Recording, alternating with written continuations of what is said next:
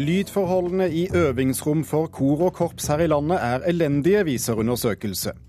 Politikerne i Oppland vil granske hva de får igjen for støtten til Teater Innlandet. Bortkastet bruk av penger, mener teaterkritiker. Og museer bruker grunnlovsjubileet neste år til å vise frem historiene de har glemt. Og med det er Kulturnytt på plass i Nyhetsmorgen med Thomas Alvarstein Ove.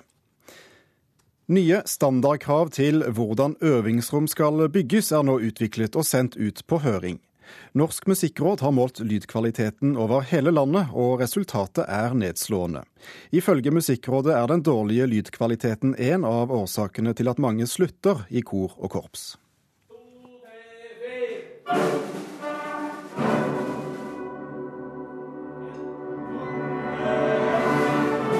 I en eldre gymsal under basketballkurven på Ridabu skole i Hamar øver Vang musikkforening hver eneste uke. Men dirigent Morten Sander er ikke fornøyd med øvingsforholdene. Det er veldig hard lyd. Det er ganske bråkete. Eh, så vi, når vi spiller sterkt her, så smeller det mye. Det smatrer mye. og det er vi ser liksom noen av musikerne i fremre rader de bøyer seg litt ned når de på bakre rader kliner til og sånn. Det er Jon Olsen i Norsk musikkråd enig i.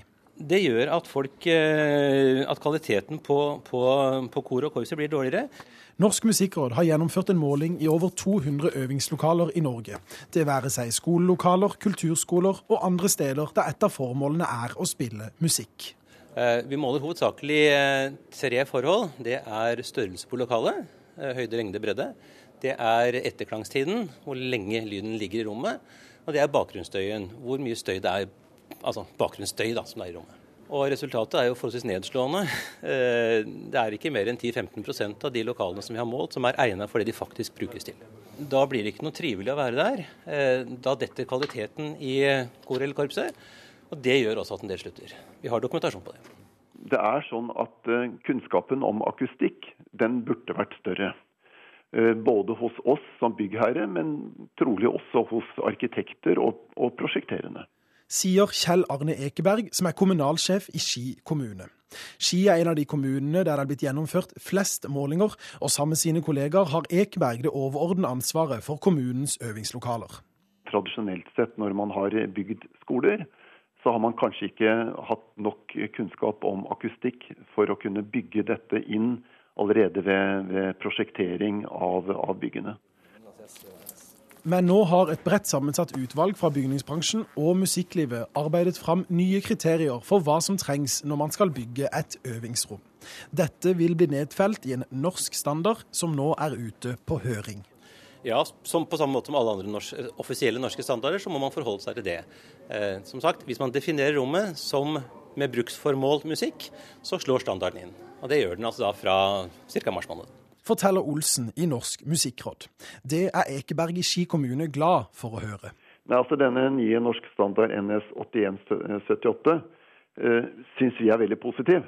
Fordi, som sagt, eh, skal man foreta kloke valg og prioriteringer, så må man vite. Også kunnskapen jo, må jo ligge i bunnen for det vi gjør. Tilbake i gymsalen hos Vang musikkforening. Og dirigent Morten Sander. Og, og det er hyggelig å spille konserter i gode lokaler.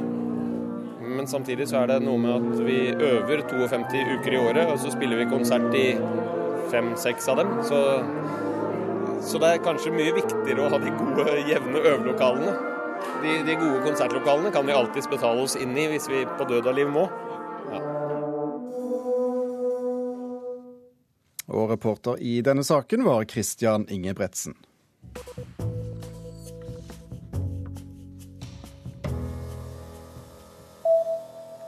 Den internasjonale avisorganisasjonen Vann ifra fordømmer Storbritannias fremgang overfor The Guardian i august.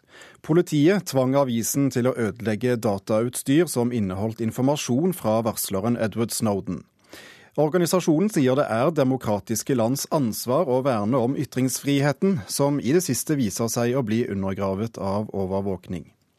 Og Samtidig skriver den tidligere britiske statsråden Chris Hune i et innlegg nettopp i The Guardian i dag at regjeringen aldri ble informert om det omfattende overvåkningsprogrammet Storbritannia og USA hadde i fellesskap, og som ble avslørt av Edward Snowden.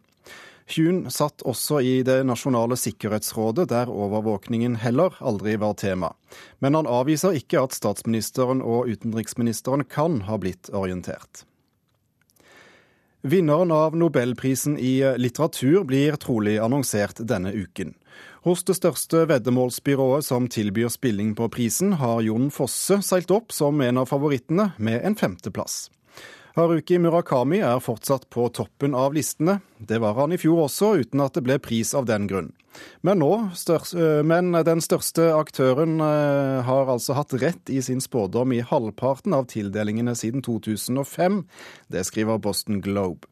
Andre favoritter i år er øh, Joyce Carol Oates og Petter Nadas.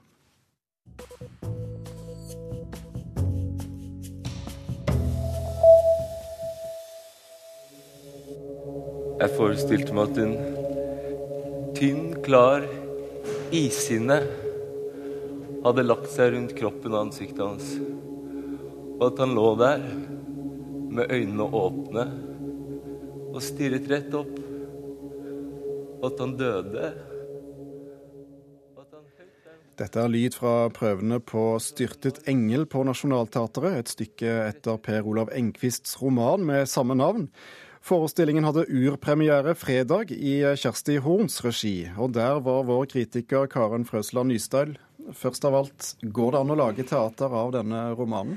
Ja, det er et, et, godt spørsmål. Det er jo en roman som er blitt beskrevet som uh, utydelig og gåtefull og vakker og grotesk, og den er jo en, en vev av fortellinger. Men det ja, det går jo an å lage teater av den. Det har det jo nettopp gjort.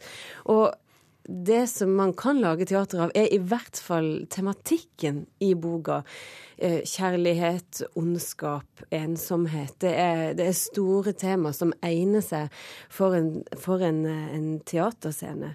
Og så spørs det jo da hvordan man hekter på um, episode og karakterer fra romanen. Det er en annen sak. Men på hovedscenen på Nationaltheatret så har Kjersti Horn hun har lagde en noe varierende forestilling. Scenene, alle scenene er ikke like gode, men hun har klart å skape ei, ei, stemning som ikke slipper så lett. Og da tenker jeg da har hun henta ut en essens fra romanen, i hvert fall i det hun har laga på, på, scenen. Har stykket noen eh, egentlig hovedperson? Ja, eh, ja, det tror jeg at vi kan si. Han vi hørte her, Emil Johnsen, han, eh, han, spiller en form for forteller. En ung mann som våkner midt mellom natt og daggry og har en, et oppdrag han skal fullføre for seg sjøl. Han skal finne ut hva kjærlighet er. Han, han, eh, gjennom forestillinga dissekerer han, han, kjærligheten. Og han befinner seg jo, før, før han helt er vågen, altså mellom natt og daggry, og hele forestillinga er egentlig i dette rommet. Er, er, det drøm? Er det virkelighet? Er det morgen? Er det natt? Er det lyst? Er det mørkt? Og i akkurat denne sonen så beveger han seg inn. Han møter karakterene fra romanen. Ekteparet som som har fått barnet sitt drept. Han møter barnemorderen. Vi er innom Pascal Pinot.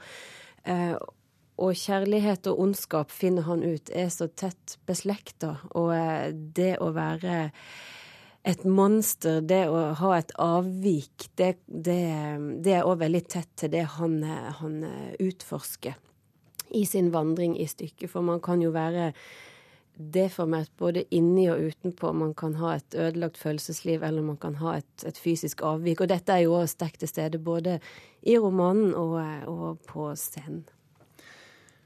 Kjersti Horn, som har regien på, på 'Styrtet engel', eh, er jo kjent for å sette opp tankevekkende og utfordrende teaterstykker. Mm. Har hun klart det med Engqvists eh, roman? Hun har i hvert fall klart å lage noe som ikke slipper så lett. Det er en visuelt veldig sterk forestilling, annet fordi hun har tatt inn eh, flere statister som har, um, har tydelig fysiske handikap. Eh, og det, når de da blir, disse statistene får fjærpryd og pynt og glitter og glem og, og, og stas, altså det blir nesten litt sirkus og framvisning av det, så er jo det visuelt veldig tydelig. Det er med på å sette en stemning. Og samtidig så, så viser hun fram et portrett av en sår og menneskehet, altså en, en ufullkommen menneskehet. At, at den, det, det, deformerte finnes overalt. Og hun klarer jo å sette, sette fokus på, på, ensomheten som skapes idet man blir usikker på om man egentlig fortjener noen andres kjærlighet. Og, og så linker hun dette på ondskap igjen. Så, så hun har klart å skape noe veldig spesielt, og et uttrykk som er veldig ufullkomment. Og samtidig så har hun fått komponist Erik Hedin til å komponere musikk framført bl.a. av Oslo, Oslo Domkor. Og dette, denne musikken er så sakral, så, så, stor. Den er det motsatte av det som er nedstyrte. Altså det, det som skaper så store kontraster. Og ut fra dette altså Mest av alt visuelt så er det en veldig sterk forestilling, fordi den, den skaper så mange bilder man tar med seg videre, så mange stemninger. Og dette kan man altså oppleve på eh, Nationaltheatret. 'Styrtet engel' eh, i regi av Kjersti Horn. Tusen takk skal du ha, eh, Karen Frøsland Nysteil. Det blåser igjen friskt rundt Teater Innlandet, for nå vil fylkespolitikerne i Oppland regne seg frem til hvorvidt teateret er en suksess, eller om samarbeidet med Hedmark bør opphøre. Allerede da Teater Innlandet ble stiftet i 2010, tvilte Oppland på prosjektet, og kalte det hele et fornuftsekteskap. Knut Arne Hedmark, tar du Mona Oppland, som ved din side står. Millioner av teaterkroner fra staten var gulrota, og Hedmark sa lykkelig ja. Men Oppland rynket på nesa. Det er deler av fornuftsekteskap, men eh, vi får tro at kjærligheten vokser etter hvert som årene går. Sa styreleder for Teater Innlandet Cato Schjøtz på bryllupsdagen. Men han tok feil. For andre år på rad stiller politikere i Oppland spørsmålstegn ved det ferske regionteatret. Og nå vil det telle for å måle om prosjektet er vellykket. Altså, Vi vil ikke teatret til livs. Men jeg vil eh, ha en diskusjon om det er riktig bruk av pengene. Sier fylkespolitiker fra Venstre Eivind Brenna. Han hører til fløyen som hele tida har vært kritisk til denne måten å bruke teaterpenger på i Oppland. Det er jo fire millioner av eh, fylkeskommunens penger, så vi er opptatt av å se Treffer man folk, treffer man publikum i hele Oppland? Er dette til en god bruk av pengene. Fylkeskommunen betaler nå for innleie av en vikar for å telle hva slags produksjoner teatret har hatt, hvilke steder de har opptrådt og hvilke andre teatermiljøer de har benyttet krefter fra. Teaterkritiker Ida Lo Larsen rister på huet. Især når de skal gjøre det i oktober, november, desember i tre måneder. Og jeg mener så vil det jo koste ganske mange penger som de da heller kunne brukt til noe annet, tror jeg. For tellingen kan man i og for seg gjøre bare gjennom å se på årsrapporter og publikumsstatistikk. Eh, sånn at det ligger jo, eh, ligger jo en form for omkamp i dette. Sier teatersjef Janne Langås. Vi spiller teater her i dag. Har dere et kvarter, så spiller vi inn i den gule konteineren her. Akkurat nå reiser Teater Innlandet rundt i begge fylker med stykket Drømmekonteineren og det er turnering teatret skal drive med. De har ingen fast scene. Ida Lu Larsen har inntil i år, som medlem av juryen til Hedda-prisen, sett de fleste av Teater Innlandets oppsetninger, og hun mener at de leverer. Jeg mener at de har, de har klart virkelig å, å, gjøre det til et ganske morsomt teater. altså. Jeg syns de har utnyttet det de har, på en veldig bra måte. Det var altså så nydelig. Jeg ble veldig berørt. Publikum som så drømmekonteineren på Lillehammer var i alle fall fornøyd. Og det er det flere som er, mener teaterkritikeren. Hun tror ikke at politikere vil finne noe å sette fingeren på. Nei, jeg tror ikke det. Og teatersjefen er klar for å bli telt. Jeg tror det er mangel på kunnskap, og derfor ser jeg på denne evalueringen, denne telleevalueringen, som en kjærkommen mulighet til å fortelle hva det er vi faktisk gjør. Reporter her var Torunn Myhre. Du hører på Kulturnytt i eh, Nyhetsmorgen på NRK P2 og Alltid nyheter. Klokken den er blitt 17 minutter over åtte, og dette er hovedsakene nå. I Egypt har flere enn 50 mennesker mistet livet i harde kamper det siste døgnet, på 40-årsdagen for landets siste krig mot Israel. Redd Barna er glad for at alle enslige asylbarn nå skal få behandlet søknaden sin i Norge. Og Den nye regjeringserklæringen blir trolig lagt frem i dag. Tillitsvalgte i Fremskrittspartiet forventer at den nye regjeringen kommer med en storsatsing på vei. Mange journalister som dekker katastrofer og andre alvorlige saker, sliter med posttraumatisk stress lenge etter at jobben er avsluttet. Det er noe av det som kommer frem i en ny bok om hvordan journalistene som dekket bl.a. 22.07-terroren, er blitt preget av hendelsene i ettertid. Forfatter Trond Nidås, eh, velkommen. Til boken eh, 'Krevende oppdrag' som kommer i dag, har du intervjuet journalister som dekket Baneheia-saken, tsunamikatastrofen og 22.07-terroren. Hva har de til felles? Altså, det har jo det til felles at det er veldig store eh, nyhetssaker. Altså Saker som har fått mye plass, og som er av stor interesse for samfunnet. Som ligger veldig i kjernen av, av det vi kaller medienes eh, samfunnsoppdrag. Samtidig så er det saker som har eh, gjort at journalister kommer tett på andre menneskers lidelser. Og det å komme så tett på andre menneskers lidelser, det gjør noe med deg som menneske, og selvfølgelig også da som journalist. Hvor mange av journalistene får symptomer på stresslidelser etter at de har vært ute på slike oppdrag? Altså det er jo en, det er store forskjeller her. Og det har bl.a. med type sak å gjøre. Altså Vi vet at etter naturkatastrofer som tsunamien, så henter vi oss raskere inn. Altså Mennesker tåler det bedre enn f.eks. 22.07, som dreier seg om mer menneskelig ondskap, som er en mye større belastning. Så når vi sammenligner eh, journalistene som dekte tsunamien med de som dekte 22.07, ni måneder etter selve hendelsen, så eh, eh, er det en 25-30% av journalistene som dekte 22.07, som da sliter med, med, stressreaksjoner utover det normale. Hva vil du si er de mest alvorlige følgene? Eh, de alvorlige følgene på kort sikt er jo at eh, folk eh, stadig vekk gjenopplever, altså i form av mareritt eller eh, invaderende minner da, i forskjellige varianter, ting de situasjoner de har vært oppe i på jobb. og Går og tenker over og tenker over. og Enten det er groteske ting de har sett, eller om det er situasjoner de har vært oppe i og håndtert eh, som de ikke blir, blir, helt ferdig med. Så, men på lang sikt, altså for journalister som dekker denne type saker gjennom eh, flere år, eh, så bygger dette seg opp, og så kan du da få en eh, typisk utbrenthet, slitasje, skader. Er journalistene godt nok forberedt på, eh, på å havne oppe i slike saker?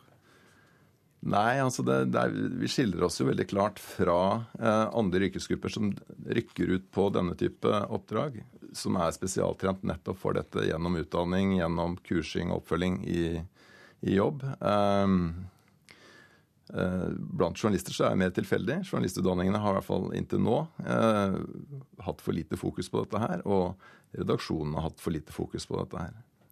Så dette må inn som en del av uh, utdanningen hos journalister, rett og slett? Ja da, og det, det, er på vei inn nå. Altså, det har skjedd ting etter 22.07, bl.a. ved journalistutdanningen her i Oslo. Eh, for å få et økt fokus på det. Fordi det du ser er at veldig mange av de som rykker ut på disse oppdragene, er veldig unge folk. Altså det 22.07 så var det midt på sommeren, og, og 40% av de som rykka ut da, var jo sommervikarer med veldig kort erfaring, rett og slett. Trond Idås, forfatter av boken 'Krevende oppdrag', takk for at du kom til Kulturnytt.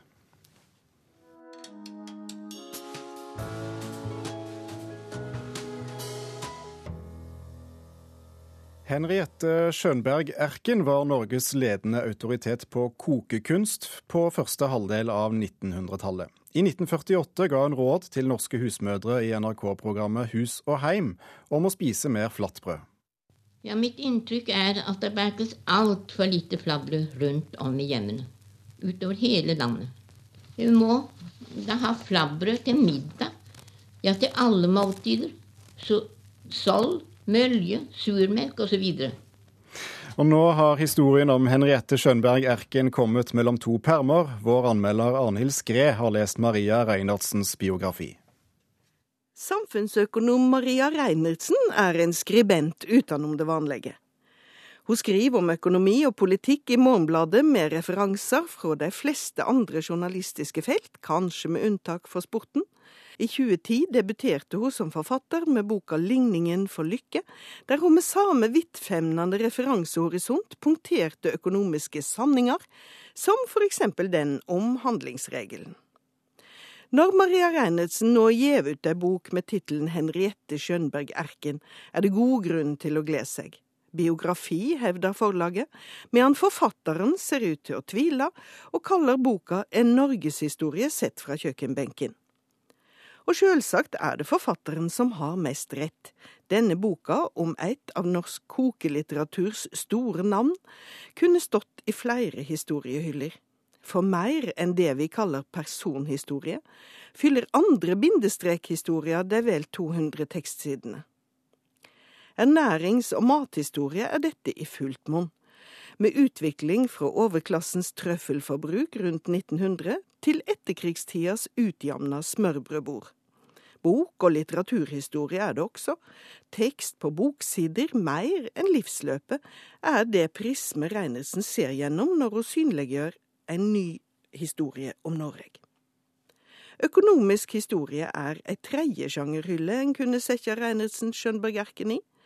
Nasjonal statistikk over eggeforbruk blir holdt sammen med tallet på egg i fattigmannsoppskriftene. Slik illustrerer Reinertsen de økonomiske konjunkturene og erkens evne, eller manglende evne, til å tilpasse seg disse. En lang tråd i boka er også sosiologisk eller samfunnsgeografisk. Medan hushjelpene går til industrien eller kontorpulten, bidrar Skjønberg-erken til at husmorrolla blir ei heltinnerolle i det moderne samfunnet. Sist, men ikke minst, kunne Reinersen Skjønberg-erken vært plassert i hylla for essayistikk. Reinersen nærmer seg tunge emner på en måte som er utprøvende, lett og samtidig innsiktsfull. Enkelte steder kunne linjene i teksten rett nok vært tydeligere. Boka kunne dessuten vært feita opp med breiere litteraturhistorisk og samfunnsgeografisk kontekst. Disse sakna svekka likevel ikke min hovedkonklusjon. Maria Reinertsens norgeshistorie sett fra kjøkkenbenken er en rik, delikat og underholdende tekst. Ei bokhylle med norgeshistorie krydra og servert, med oppskrifter på både bygggraut, valnøttkake og råd til den som skal drepe ei skilpadde. Sa vår eh, anmelder Arnhild Skred. Glemte hendelser skal frem i lyset ved museene i Stavanger neste år. Museene vil bruke grunnlovsjubileet til å fortelle historiene som ikke allerede har fått plass i samlingene. Åtte kunstnere har fått i oppdrag å grave i arkivene for å se hva de finner, og ikke minst hva de ikke finner. Jeg har gått kritisk til verk på den måten at jeg henter en historie som ikke fins i Stavanger museum om Øst sine samlinger. Det sier kunstner Tove Kommedal. Det er historien om Hans Sundt Berggraf, som er oppfinneren bak ekkoloddet, og som er fra Stavanger. Ja, jeg ser her foran oss står det en rar kasse. Dere skriner med det rare i. Hva er dette her for noe? Det her er ekkoloddet.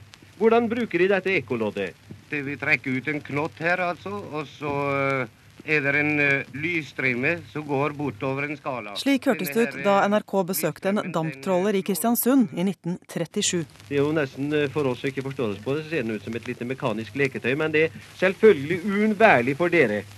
Iallfall eh, når eh, det er mørkt og dårlig vær så man ikke kan få kjenning av land, så er det omtrent umulig å drive trollefiske uten ekkolodd. Men mannen som først lanserte ekkoloddet, en skrivende akustisk dybdemåler i 1904, Hans Sundt Berggraf fra Stavanger, er utelatt både i byhistoriske verk og i maritime utstillinger i sjøfartsbyen Stavanger. Alexander Behm, tyskeren, tar jo patent på dette åtte år etterpå. Eh, og da trolig på de samme tegningene som eh, Berggraf lanserte 8.9. i 1904 i Teknisk Ukeblad. Det handler om hvem som er vinneren og taperen i historieskrivning, og hvem, hvordan dette skal defineres. Vi setter fokus på hvem eier historien. Altså, vi prøver å ha invitert åtte kunstnere inn med sitt kritiske og på mange måter innovative blikk. Det sier Siri Aavitsland, administrerende direktør for museene i Stavanger.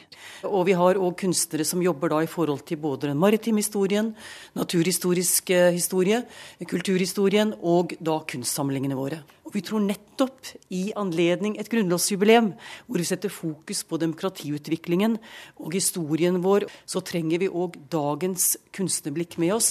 Det ser ikke så forferdelig innviklet ut heller, men det er jo nokså mange knapper å trykke på. Er det lett å behandle dette? Det her er loddet svært lett å behandle. Svært lett å behandle dette, ja. Selv om oppfinneren Hans Sundt Berggraff hadde ideen til ekkoloddet, er han ikke en del av utstillingen ved Stavanger Maritime Museum, der Anne Tove Austbø er konservator. Eh, jeg tror det er en kombinasjon av tilfeldigheter, av hvordan man har tenkt at et museum skal være, eh, og ikke minst av hvordan historikerne tenker om hva som er det verdifulle de maritime museene de var veldig opptatt av skip og handelsflåten på de syv hav. Men menneskene har i veldig liten grad kommet fram i den maritime historien. Er det litt, er det litt flaut dette her, syns du, på vegne av museet, eller? Jeg er ikke flau på vegne av de maritime museene som sådan. Det er jeg ikke.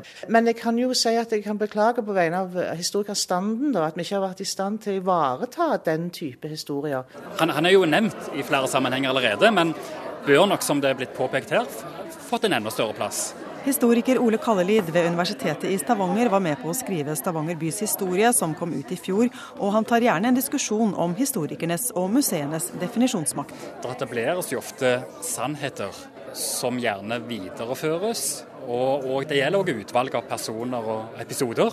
At det er gjerne kanskje vanskelig å få nye elementer og, og trenge inn i på en måte den, den kanoen som, som er etablert. Reporter i Stavanger var Anette Johansen Espeland. Og vi tar med at i går ble den tradisjonsrike tyske festivalen Oktoberfest avsluttet. 6,4 millioner besøkende drakk 6,7 millioner liter øl. Det er mer øl enn det er plass til i to olympiske svømmebasseng. Det er 180. gang tyskerne feirer med leskende drikke, lederhosen, drindeldrakter og ompa-musikk i eh, München. Og eh, dermed runder Kulturnytt av denne sendingen. Eh, produsent var Gjermund Jappé, teknisk ansvarlig var Hanne Lunås, og her i studio Thomas Alverstein Ove. Og nå tar Anne Jetlund Hansen Nyhetsmorgen videre.